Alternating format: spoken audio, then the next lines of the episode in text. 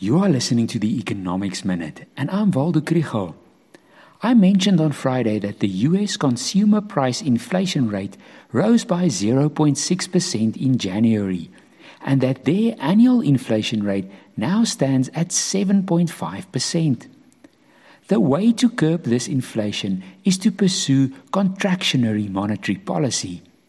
In the US case, this means that their Federal Reserve must reduce their purchases of debt instruments.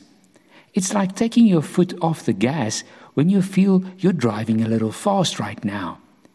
But their car is going so fast that they may have to apply the brakes, and that means raising interest rates.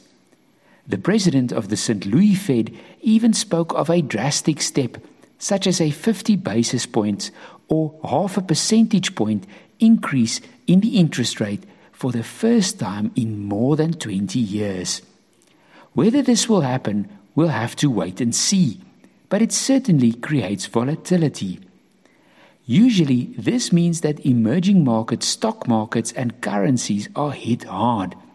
But late last week, the Rand surprised friend and foe by still trading strong.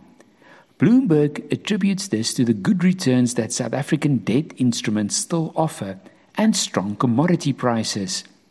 If you're in the markets this week, hold on for a bumpy ride.